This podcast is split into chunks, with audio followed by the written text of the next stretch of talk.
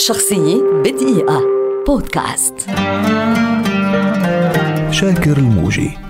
ملحن مصري كبير يعد من أبرز الملحنين العرب في حقبة الثمانينات والتسعينات. اسمه الحقيقي شاكر شعيشه عبد الرسول حسن وقد اختار اسم الموجي تيمنا بخاله الموسيقار الراحل محمد الموجي. بدأ حياته كمطرب ثم لحن أول أغنية في حياته لمحمد عدوية بعنوان العبلك شيش بيش. قبل أن يسافر إلى باريس حيث التقى طروب وصباح ووديع الصافي وغنى ولحن لنفسه وأعطى لحن أغنية اللي تعبنا سنين في هواه وبتحبيني أي ولا لجورج وسوف. ثم غنى له وليد توفيق ألحان فيلمه وداعا للعزوبية كما غنت له مياد الحناوي قدمت الروح. مع بداية الثمانينات قدم شاكر الموجي لسلطان الطرب جورج وسوف أغاني عديدة تعد اليوم من روائع ذلك الزمن ومن أجمل ما غنى وسوف في مسيرته. وقد حققت تلك الأغنيات نجاحا استثنائيا واعتبر ثنائي الموجي والسوف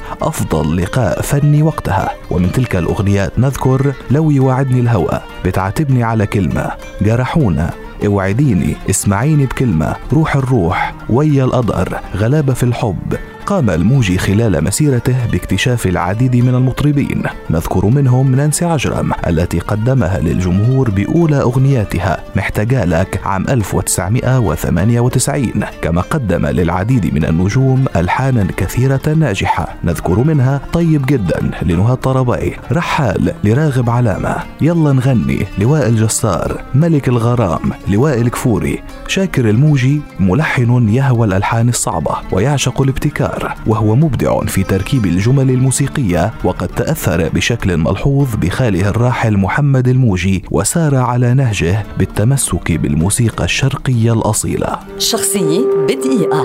بودكاست.